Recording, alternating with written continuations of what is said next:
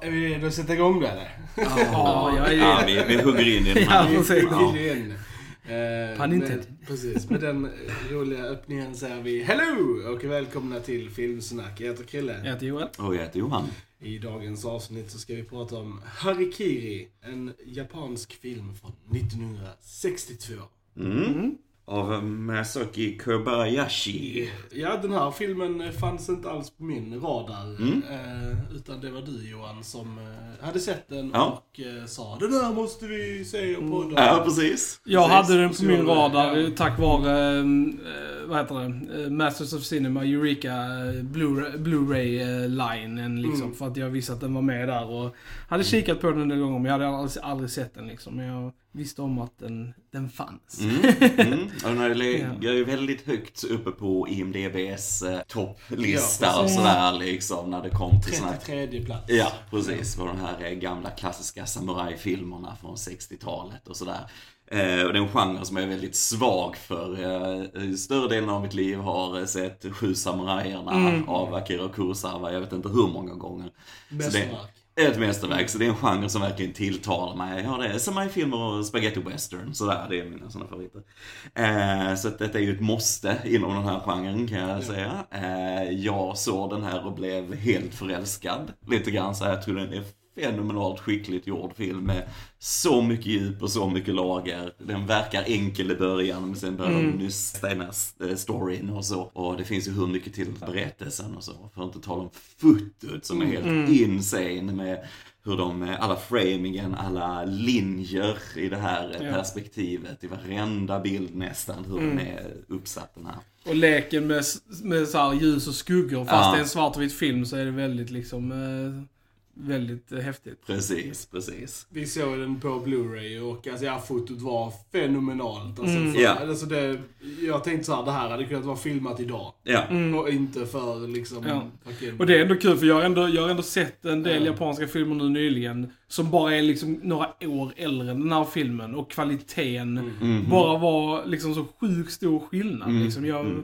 Att liksom se den i, i liksom, i fullscreen och liksom Mhm. med den här skärpan och klarheten var galet liksom. Ja, vi har Yoshi Maihima som är fotograf här och det är fantastiskt hur han använder sådana här dolly shots, alltså att kameran följer Mm. karaktärer ganska statiskt så här från en sida till en annan i bilden. Eller ingående, inzoomande och så. Och det är alltid på något sätt förstärks med linjer runt omkring i liksom arkitekturen i bilden eller bara hur gator rör sig eller slingrar sig och så. Så det kan vara väldigt statiskt sådär, men så kommer scener där det är väldigt mycket rörelse i det. Mm. Det kanske blåser mycket sådär i miljön de är så här. Och så bara händer någonting i filmen när du klipper till de här scenerna. Det är så medvetet gjort och så planerat. Det är liksom perfektionism det här på något sätt när det kommer till fot. Ja, verkligen. Eh, Ja, alltså, jag tyckte den här filmen var jävligt bra också. Mm. Ja, Verkligen.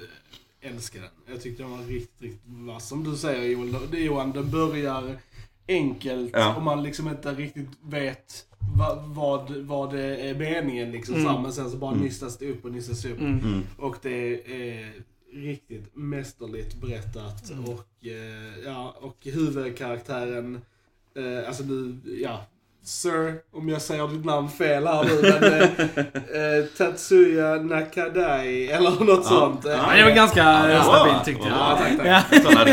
Ja. Eh, Alltså han var ju stört cool alltså. Ja, ja. Riktigt Han var awesome. badass. Ja, Yes. han var Väldigt badass indeed. Ja. Eh, Han är ju en sån riktig legend i Japan. Jag tror han har gjort 160 roller eller något sånt. Hans absolut första film var De sju samurajerna. Han, Ja. han är med i två sekunder någonting, han går förbi som en extra sådär liksom. Nice. Men sen så hittade Kobayashi honom och gav honom större roller och så här. Och sedan kom han tillbaks till Kurosawa också. Mm. Han är ju med i Yojimbo, han är med i Sanjuro, han har huvudrollen i Kagemusha, mm. spökgeneralen. Mm. Han är med i Run också. Och Han är med i Run Ja. också, så han är en sån riktig veteran Mm. och han eh, lever än idag. För Mm. det, eh, man kan se intervjuer med honom på nätet så som faktiskt är jättebra och så när han berättar om eh, filmerna han har gjort och så. Alla, det har jobbat med de största japanska regissörerna i historien i princip, så det är rätt roligt att lyssna på honom.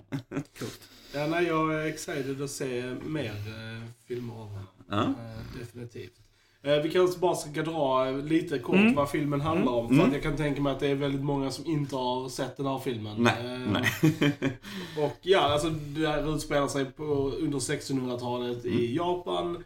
Och eh, det är väl ja, fredstider Mm. och de här eh, inhyrda samurajerna, eller ronins som de kallas. De har liksom ingenting att, att göra basically. Nej, det är fredstid. Precis. Mm. eh, Och då många av dem svälter och blir fattiga Mm. liksom Mm. och så här. Och de, ja, lever ett hårt liv. Eh, och eh, sen har det då uppkommit en, en grej där folk kan gå till vissa av sådana här styrande hus och eh, säga att de kommer utföra harikiri, vilket då är självmord. Eh, Mm. Genom att eh, ja, öppna sin buk helt Ja, enkelt med ja. ett svärd. Ehm, och för att de inte ska göra det då så brukar de få en slant. Eh, Precis, det är ett sätt att få för- lite precis, pengar eh, eller kanske hoppas på en Ja. anställning, vad som helst Mm. och så. Men även anställning är svårt i fredstider, för det är ingen som behöver dem. Liksom. Nej. Mm. Eh, och eh, då får vi då följa eh, huvudkaraktären då, Hanshiro, eh, som då är en Ronin som kommer till ett sånt här Mm. eh, hus och eh, begär att eh, få begå harikiri. Mm. Men där, medans man är där då så får man då en story Mm. om hans liv och liksom lite runt och så här, och sen så är det mycket mer till Ja, handlingen än så. Men det är allt vi säger i Yes, spoilerfria yes. versionen. Detta är lite Eh, som eh, Parasite, den här filmen. Man ska inte veta någonting Nej, om det nej, egentligen i precis. handlingen när man går in Ja. i det liksom. Eh, nu hade jag ju sett den innan, så jag tänkte nu när ni såg den första gången idag så tänkte jag bara, oh, jag vet Mm. varför det är Mm, så ja, här precis. egentligen och vad som händer i handlingarna. Jag kan tänka att detta är en film man vill se två gånger. Ja, Yes, verkligen. Eh, yes. absolut. Och den var eh, inte sämre, nej. kan jag säga. Jag kan tänka mig att det bara blir bättre andra gången. Ja. För, att, för att då ja, vet du allting från början Mm. liksom. Ja, det är så mycket detaljer i storyn alltså, det är det Mm. verkligen. Eh, som sagt, mästerligt skådespeleri. Mm. Eh, vi har ju pratat om kameran som är amazing. Musiken är typ sjukt bra. Mm. Har Ja. riktigt coolt akustiskt gitarr liksom riff till Ja, sig ja. som eh, passar sjukt bra. Och de vet precis vad de ska använda Ja. det också liksom när handlingen svänger. De ska punktera vissa grejer, så hoppar man till sådär liksom. Mm. Det är skitcoolt. Det kändes väldigt unik eh, Ja. soundtrack för en sån här film. Mm. Alltså, det kändes mer westernaktigt. Och det, och det var mycket mer, det var eh, andra grejer i den som också. var väldigt western tyckte jag. Mm. Så Mm. att eh, vi kan gå in på det mer sen i spoiler. Mm. Ja, de här eh, regissörerna, både Kurosawa och eh, Kobayashi, har ju påverkat Mm. Sergio Leone Ja. som gjorde alla westernfilmerna. Alltså något enormt. Vad Ja. påverkat Spielberg, påverkat George Lucas. Ja. Alltså alla de här stora i Ja. västerländsk film och så amerikansk film är ju jätteinfluerade av eh, de här Mm. gamla samurajfilmerna från 50-60-talet. Mm. Mm. Den, den har action. Mm. Eh, väldigt eh, cool sådan. Eh, för att vara liksom en gammal film. Mm. Väldigt imponerande. Ganska grafiskt Eh, ja. i våldet också, Precis, så den är inte jättesnäll direkt. Mm. Mycket, mycket blod. Ja. Det är liksom inte Mm. heller kanske supervanligt Mm. vid den tiden. Men Mm. de verkligen så här öste på här, Ja. vilket, vilket var nice. Eh, nej, alltså som sagt, jag gillar man gammal film, gillar man eh, samurajfilm Mm. eller bara japansk film överlag så rekommenderar jag definitivt Mm. att man ska kolla in den här filmen. Jag tror att folk är så sjukt insnöade på Kurosawa. Kurosawa är liksom det stora namnet Ja. från Japan som folk Mm. brukar liksom, ja, gå till om, om de nu ska kolla på utländsk film och, Ja. och så här. Men Mm. ja, jag, nu har jag också börjat kolla lite på andra som eh, Yasuhiro Ozu och sånt. Eh, och nu Kobayashi och sånt. Så det, det, och det är jävligt bra filmer. Så att eh, man ska liksom så här inte snöa in sig på en regissör. Även om Kurosawa är mästerlig så finns det massa andra som också är Mm. fantastiska. Så Ja men eh, verkligen, verkligen. Nej men jag håller med. Gillar man genren så man ska absolut ge den här en chans och så. Det är mycket dialog och så. Är man inte Mm. van vid den här typen av film så kanske man tycker det tar, den är lite trög sådär kanske. Lite slow burner. Ja, Mm. Eh, inte för att Det- är det egentligen, nej. men jag tycker är man inte Ja. van vid det så Alltså när man ser den det så. första gången Mm. så är det ju en lite slow burner. Ja. För, för, att, för att storyn lagras. Så att du liksom, så precis, den tar sin att tid. Mm. Så historia, liksom, man, man får se någonting så vet man inte vad som pågår. Sen Mm. händer någonting så bara ah, Ja, det här. Och sen får man fortsätta så. Så jag kan tänka mig att det blir mycket bättre andra gången. Just Ja. eftersom då försvinner det liksom. Ja, för att du vet vad som, vad som händer. Så att uh, jag tror definitivt, jag definitivt kommer se om den. Mm. Uh, mm. Och är ni intresserade, nu tar vi spoilers mm. men man kan ju hyra den här via YouTube för 39 spänn. Mm. Om ni är intresserade av att se den. Kan ni mm. passa på att göra ett konto premiera på oss. Ja, så där ska ni göra den här filmen och njuta lite grann. Mm. Klass, riktig klassiker. Ja. Ja, för det enda, om jag ska säga något negativt om Blu-ray vi såg, så tyckte jag att ibland att texten gick lite för fort. Eh, mm. I sina, liksom, det var inte jättemånga ställen, men på sina ställen så mm. tyckte jag det gick lite för fort. Eh, och vi såg den med engelskt test också, så är man inte en eh, så här van vid att läsa engelska så kan Den här filmen kul. finns ju att köpa som svensk Blu-ray okay. med okay. svensk yeah. text också. Om man nu skulle vilja införskaffa ja. den mm. på vanlig Blu-ray. Och jag som har den fancya samlarutgåvan. Alla kan vara så fancy Precis. så, det, så det finns ju. Mm. Ska vi snacka lite spoilers? Ja, det tycker jag. Yes, vi rekommenderar klart att ni ska kolla in Helhjärtat se den här verkligen. filmen. Poängen med filmstatus ja. är det här faktiskt. Mm. Absolut. Spoilers! Spoilers! alltså vi bara dyker direkt in på alltså den första så här harakiri-scenen. För ja. det var ridiculous. Ja. Alltså jag satt typ så här, jag bara, jag bara Uh! Jag hörde. Jag bara no! Jag bara alltså, jag bara spände mig för det var så sjukt bull alltså. Ja. Jag typ bara ah this sucks. Ja. alltså för honom just eftersom han gör det fucking med så här. Ja. Och, det, och det roliga var, det tog några liksom sekunder innan jag insåg det. Mm. Och då var det ännu värre liksom. För ja. då, när han först hugger så tänker man okej okay, han gjorde det liksom. Mm. Och sen liksom bara, man bara oh no. Mm. Det är bambu det är. Mm. Och man bara, ah så tradigt. Och, det, och det är så sjukt tradigt när han väl liksom får in den och ska sen skära åt sidan och så ja. går ju inte det. Alltså Nej. jag bara, ah oh, this is the worst.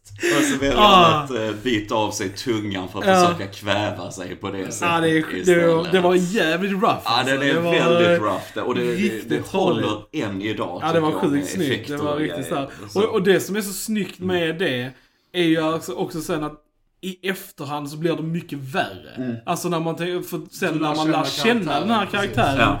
För i mm. början så, så vet man ju ingenting om honom nästan. Man tror ju nästan att han är en sån liksom filur som, pengar. precis liksom. Mm. Man vet mm. inte, man mm. antar att det, att det är så det är liksom. Och mm. sen nystas det upp att det inte är så alls. Så då blir det ju liksom bara ännu tradigare liksom. Mm. Man bara, ah, så det kommer bli värre att se den andra Precis, gången liksom. ja, precis. Det kan jag, jag kan säga, det känns ännu mer ja. när man har sett ja. den innan. Det gör det. Nej men alltså det är det jag älskar med den här filmen också. Det är att den är så komplex i sin story. Bara en sån här scen som sagt, man vet inte bakgrunden. Men det är mm. så mycket symbolik för att man vet inte varför, alltså kanske människor, alltså fattiga, desperata människor mm. gör vissa saker. Alltså det, det, det, är så komplext för den kritiserar hela det här samhället ja. som var i Japan på ja. den här tiden, hierarkier och grejer. Och, och, och som de säger, och sen som han, Hashiri Susugumo, han säger liksom att, ja men det, här med samurajer och så, det är bara en fasad allting liksom. Det är bara mm. hyckleri. Det är liksom, och det, det är så symboliskt genom hela filmen, eh, med den här rustningen, den här samurajrustningen. Att egentligen är det bara en tumt skal ja. liksom. Det ska se fint ut på utsidan, men egentligen så betyder det ingenting. Liksom. Mm. Det är bara en tumt skal. Eh, och då när han besegrar de här tre som var delaktiga då när eh, Motomi tar sitt liv då, den första där. Eh, och istället för att döda dem så tar han deras eh, svansar här på mm. huvudet i håret liksom. Va? För det, det är så skamligt så mm. de kommer att ta sina liv bara på grund av det. Och annars kommer de tvingas göra det liksom. Eh, det, ja, mm. nej, nej, precis. Nej, vi ska bara säga, det är därför det är så viktigt med den här fasaden för dem. Även mot slutet så eh, när han eh, går rampage i hela stället. Jag älskar det, mm. älskar mm. hur, och det är samtidigt så överdrivet att han, eh, han, kör, han, liksom, han dödar ju fyra stycken, mm. skadar åtta så, men det är inte den där superhjälten heller. Mm. Han gör sina utfall och grejer och så. Och vi kan ju nämna att det är riktiga svärd de Precis. använder när de är helt galet. Så det ser man för att folk tar det jäkligt lugnt. Ja, alltså, det ja. Liksom ser rädslan i ögonen. Det är mer realistiskt Precis, det är klart. för att det är riktigt. Ja, nej men det är så snyggt liksom hur, hur han bara ifrågasätter hela samhället på något mm. sätt. Och han tar den här rustningen och bara kastar och den går sönder. Det är bara en tum rustning, det betyder ingenting. Mm. Men sen efter allt det där liksom så, ja då börjar de städa undan, de tar den där hårtofsen som var så viktig, nej den slänger vi i soporna liksom, ja. det är inte så noga liksom. Och alla som har dött, nej när de var sjuka, mm. vi måste hålla uppe vårt ansikte, för annars kanske de också blir alltså avsatta och de blir inte värda någonting heller, får också bo på gatan och så Mm. vidare. Så det- den är så cool hur den ifrågasätter allt vad samurajer och eh, hierarkier är. Ja. Verkligen. Definitivt. Jag älskar den. Ja. Vad tänkte du säga? Nej, Förlåt. nej, jag tänkte säga det också att det var, det var ju väldigt smart av honom just att ta eh, de eh, svans, Mm. hårsvansarna liksom. Just ja, för att det tvingar ju huset och i, alltså medge att liksom, ja om ni nu inte tycker att den här eh, är en fasad, hela den här samurajgrejen, då Mm. måste ni göra någonting åt de här tre liksom. Ja, så istället för att döda dem själv så indirekt så dödar han ju dem. Mm. Ja, liksom. precis. Men, eh, precis. Mm. och det, det, det är väldigt snyggt. Och på tal om den liksom ultimata sword-duellen då när det blåser ute. Mm. Alltså på fältet där. My god vad snyggt och Ah, coolt det var. Ja, Alltså. det är något av det snyggaste jag sett i Ja. en samurajfilm Alltså någonsin. jag tänkte Alltså. säga, det är nog något av det snyggaste jag har sett i film. Ja, punkt. alltså det- För det var det där, från det statiska som vi pratade om i Ja. fotot till att vara på den här kullen. Bara, bara innan de kommer dit för den delen. De går Mm. längs gravarna, bara symmetrin i Mm. alla snyggt. formerna där. Sjukt Och så kommer, om du märker Genom skogen. bambuskogen också. Precis, och där märker det börjar blåsa. Så är Mm. de ute på det här öppna fältet precis bredvid Mm. gravplatsen och allting bara blåser hela tiden. Och det har de gjort tidigare i filmen också, men då börjar kameran, då har vi de här Dutch angles, så att de börjar bli lite snea och så här för att få med svärden och grejer. Och du har den här dramatiska himlen i bakgrunden. Ja, det är så snyggt Det är så sjukt snyggt. Det är så Och, snyggt och där sant. kändes det väldigt westernigt också. Ja, ja, Lite såhär ja. duellaktigt. Liksom, Precis, de står precis. och väntar på liksom, det rätta tillfället att attackera. Och, liksom, Precis. så här. och jag älskar att det var liksom ingen musik, utan man bara hör Mm. bl- blåsten. Och liksom deras svärdskling och liksom typ Mm. så här. Alltså det var så jävla Jag snyggt. älskar att det är Alltså, filmat i liksom vidvinkel. Ja, ja. Det är liksom inga såna Nej. här supernärbilder eller massa cuts och sånt. Nej. Det är verkligen att du får Ja. se allting. Och det, Ja. älskar ja, det var glorious snyggt, alltså. faktiskt. Det var Mm. ruggigt, ruggigt bra scen alltså. Och sen, samtidigt älskar jag det här, alltså där han tar de andra två också liksom, Mm. eh, som var delaktiga i början. Att han, det är en karaktär, du bara ser han smyger sig efter honom i Mm. den här staden lite grann och så. Och sen ser du bara hur han eh, börjar springa mot honom liksom. Ja. Och så här, med- redo med svärdet och gör ett utfall så. Och så bara klipper de. Du ser inte det liksom. Det är allt du behöver liksom. Han springer den här perfekt symmetriska gången Ja. liksom med draget svärd, så bara klipp. Och så tillbaks till att han sitter och berättar sin historia då Mm. på eh, ja, innergården. Det är det jag gillade, den, alltså, den typen av storytelling. När, de, när de, att de, att de, han berättar den historien när han sitter där liksom. Mm, mm. För det, det, det känns verkligen att man är intresserad av att få de här flashbacks-storyerna. Mm. Och sen så varje gång det klipper tillbaka så är man fortfarande investerad i vad som händer där. För Ja. det är där spänningen är också. Ja. Mm. Ehm, och eh, det är som sagt, alltså huvudkaraktären igen, jag tyckte han var så sjukt sympatisk Mm. och eh, bara Alltså speciellt i tillbakablickar när man får se honom umgås med sin familj. Ja, Liksom, och ja. sitt barnbarn och Ja. hur, Mm. hur liksom varm och mysig han är. Ja, Mm. Och sen så kan han ändå wax som fool Mm. senare liksom. Det var Ja. så sjukt badass. Ja. Jag älskar Och det är ju Eh, också en grej som går lite mot den japanska normen, alltså i det här liksom. Alltså att för att jag tyckte också att fan var uppfriskande med en så sympatisk och typ känslig kille, krigare, som Ja, ändå är liksom ja. så här, för att normalt sett så är det ju de här väldigt hårda, liksom känslolösa typerna som man får se i film Mm, liksom. Så mm. jag tyckte det var jäkligt uppfriskande att se och väldigt, och det gör ju att man bara brydde sig ännu mer om det. Mm. Liksom. Och det, det är en grej som han, eh, Tetsuya Nakadai, är väldigt bra på att göra, tycker jag, sympatiska Mm. karaktärer. Det är därför vi ska se mer Kurosawa-filmer Mm. och så. För han har gjort många sådana roller också där man känner för honom på ett där, så va. Det, Ja. det, det är bara ett snyggt sätt. Och jag gillar som du sa det här familjelivet man får se. Och så blir de fattiga liksom, de får Mm. inga pengar och så blir ju eh, barnet sjukt och hans barnbarn och hans dotter blir sjuka och så. Eh, och då får vi reda på det är därför då som han med Toma har sålt sina klingor Ja. i svärden ju för att få pengar för att bara kunna betala en doktor liksom. Och så det är därför han gör allt det här då, ju harakirin och allt vad det är. Men när han, de sen lämnar kroppen tillbaka till familjen.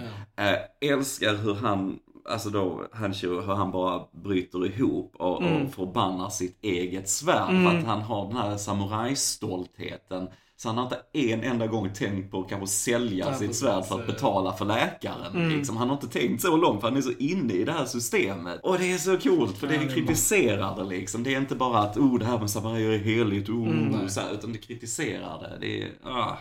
Det var så jävla så här, hur de behandlade kroppen där också. Mm, Sen när de skulle gå och bara typ slänger hans svärd Mm, på, på. kroppen Mm, liksom. mm. Bara så här, och sen typ skrattar lite och går. Mm. Ja. När de ändå har stått innan och sagt liksom, ja men han, han dog en ärofull död och liksom, ni ska vara stolta. och så. Ja, men det, precis, Men de, precis. de menar ju inte det liksom. Nej, de bara nej. så här, ja okej. Mm. Ja, nej det var... Ja, nej. Det finns så mycket sådana grejer i den. Alltså. Det är så mycket kritik. Så det, det har ett ovanligt mycket djup på det sättet. Och det, det är sällsynt faktiskt. Mm. Så det är kul. Men sen är ju han Kobayashi, han är ju, eller var en eh, alltså pacifist på något sätt. Han, han var ju inte det här för krig och, och våld och så på något sätt. Han har gjort den här filmserien Barfota genom helvetet, som är en trilogi baserad på en bok som handlar om andra världskriget och så. Men det är också med en annan vinkel på det. Va? Och det, det, just det här eh, att han är pacifist är ju mycket det här med att Fast detta är en samurajfilm så kommer allt det här på slutet lite grann. Men det är ett resultat av saker. Det är inte för att showa eller drivkraften och det ska vara häftigt liksom. Utan det är också bara en del av handlingen, en konsekvens av vad som har hänt liksom. All action har ju definitivt allt med storyn att göra Ja, liksom. Det är ja. inte bara för actions skull utan Precis. det är, eh, ja, har ju definitivt en, en mening bakom sig. Precis, och det är, ja, bara ännu mer djup. Nej, amazing. Jag, I loved it. Jag eh, väldigt excited att se mer av eh, Kobayashi, Mm. hans eh, filmer Mm. och eh, även mer av Tetsuya. Ja, ja, ja, jag har många här i samlingen vi ska kolla på. och Så här. Sen gillar jag han, eh, han, eh, vet han, Saito, han som var en av de här ståthållarna på stället som, eh, som Ja. han pratade genom hela filmen med i princip och berättade historien för och så. Han är också bra skådespel, att han representerar sin mästare där liksom och Mm. ska ju uppehålla då fasaden som de pratar om hela tiden. Och han gör det väldigt trovärdigt tycker jag. Och så. Och man får se han den här slitna ansiktet i slutet då när de har städat upp hela slottet Ja. igen liksom. Och det är inte så mycket kvar av honom riktigt och så. Men, och hela temat är ju precis som de säger i början att det som händer, alltså det tråkiga, tragiska som händer en person idag kanske händer dig imorgon Mm. liksom. Det finns en sån här läxa med det också, hur, hur lätt saker kan falla. Speciellt om det bara är fasad, om det inte finns någon riktig grund för det. Utan det, Ja. det byggs på sand, som de också säger många gånger. Lysande. Ja. Men också bara det här som vi har, som vi nämnde lite innan, men alltså det här med att man måste lära känna någon för att veta deras motivationer. Ja, liksom. Alltså ja. så här att Mm. det är så lätt att döma någon Mm. bara så här, men man måste gå djupare för att lära känna någon Mm. och, och, och få reda på eh, vad de egentligen står för. Liksom. Och det är en läxa som man kan ha även idag. Liksom. Ja, oh alltså, man dömer Oh ju folk väldigt lätt idag liksom, Mm. utan att veta någonting om dem överhuvudtaget. Och, Hela, det, Det du liksom- säger, hela temat för alltså, Ja. samhällsstruktur Ja. och hierarkier och så. Denna filmen är ju helt tidlös med det Ja. temat egentligen. Ja. Handlingen är på 1600-talet Mm. som vi sa, men det är helt relevant fortfarande Ja. än idag. Oh, ja. Ja. It's a Eh, doozy, it- här. it is a doozy. Mm, ja, ja. Eh, var det bara jag som tyckte att slutet var lite så här eh, tolkningsbart liksom? Alltså så här, vad, vad, hur tolkade du slut, Kelle, till exempel? Alltså så här att... Eh, med- nej vad men just bara slutet, slutslutet med att rustningen kom tillbaka. Och det, det gick lite full circle hur filmen Ja. började med rustningen och röken och sen att det kom tillbaka till det med lite så här ominous music. Alltså, jag undrar om det var något tanke med det eller om det var... Ja, det var inget, alltså ja, för mig var det bara att de byggde upp rustningen igen liksom. Ja, ja. Så på liksom att, plats, att liksom. det bara går om igen liksom. Ja, för mig är ju det att Ja. ja. detta hände, men nu har vi fasaden Ja, uppe igen. ja, ja, alltså så här, precis. liksom. Ja. Att det, det är fortfarande bara en tom rustning. Uh, Har du någon annan... eh, Nej, jag bara tänkte, ja, jag vet inte. För det var, jag, jag, jag Sen gör de ju massa lite- tankar där i slutet. Ja. Som du säger, de gör det ju lite mystiskt också med röken. Precis, det liksom- är nästan ett övernaturligt. Precis, ja, precis. Det var lite så jag tänkte liksom att, typ så här att hans ande kanske så här haunts them now. Eller det var, för att just det som de pratar också om att deras hus ska liksom vara prosperous i Precis. liksom. Och så, så är det så här mörkt och lite så här, så tänker jag liksom, oh, undrar om det var någonting där som de ville säga. Men jag var inte säker så jag bara ville säga om ni hade... Nej, nej, det är ju den här eh, kritiken igen att ja. de, de skriver då liksom i sin så här rapport, ja. vad det nu är för Ja. daglig verksamhet de skriver ner där liksom. Men ja, ja detta hände Ja. liksom, ja, vi fortsätter och vi, vi ska stå i tusen år lite grann Mm. så här va. Det här, detta påverkar inte oss. oss. Men samtidigt så har det liksom verkligen skakat om dem ända in i Ja. själen såklart, det som har hänt liksom. Hur, hur skört det där är det i systemet. Ja, det är väldigt bra manus. Jag tycker om mycket dialogen och så här, precis som varenda replik har en mening Mm. verkligen. Det är inget så här överflödigt i det och så. Och han eh, Hashimoto som har skrivit screenplay, det är baserat på en bok, skrev även Sju samurajerna. Så jag menar, det är eh, genius här at work också. Mm. Ja, har vi, har vi någonting mer att tillägga om Harikiri? Eh, väldigt bra film som sagt och vi gillar Ja. den väldigt mycket Ja. som ni eh, förstår av, eh, av vårt ranting här. Ja. Eh, Men nej, har vi inget annat att tillägga så tycker jag att ni ska kolla in Harikiri Mm. för all del. Mm. Och eh, när ni har gjort det så vill ni att vi går in och lämnar en kommentar och säger vad ni tyckte om filmen. Vi vill höra era åsikter också. Eh, och sen ska ni självklart gå in på YouTube, prenumerera, Mm. dela, gilla och eh, lämna kommentarer. Ja. Eh, och vi finns ju på Facebook, Spotify, iTunes, eh, Soundcloud. Allting. Allting. Instagram, Twitter. Eh, vi är överallt. Och det är så vi vill ha det. eh, jag säger att ni har lyssnat på Filmsnack. Jag heter Krille. Ja, det är väl. Och jag heter Johan. Det hörs vi en annan gång. Tja tja. Tja. Tja.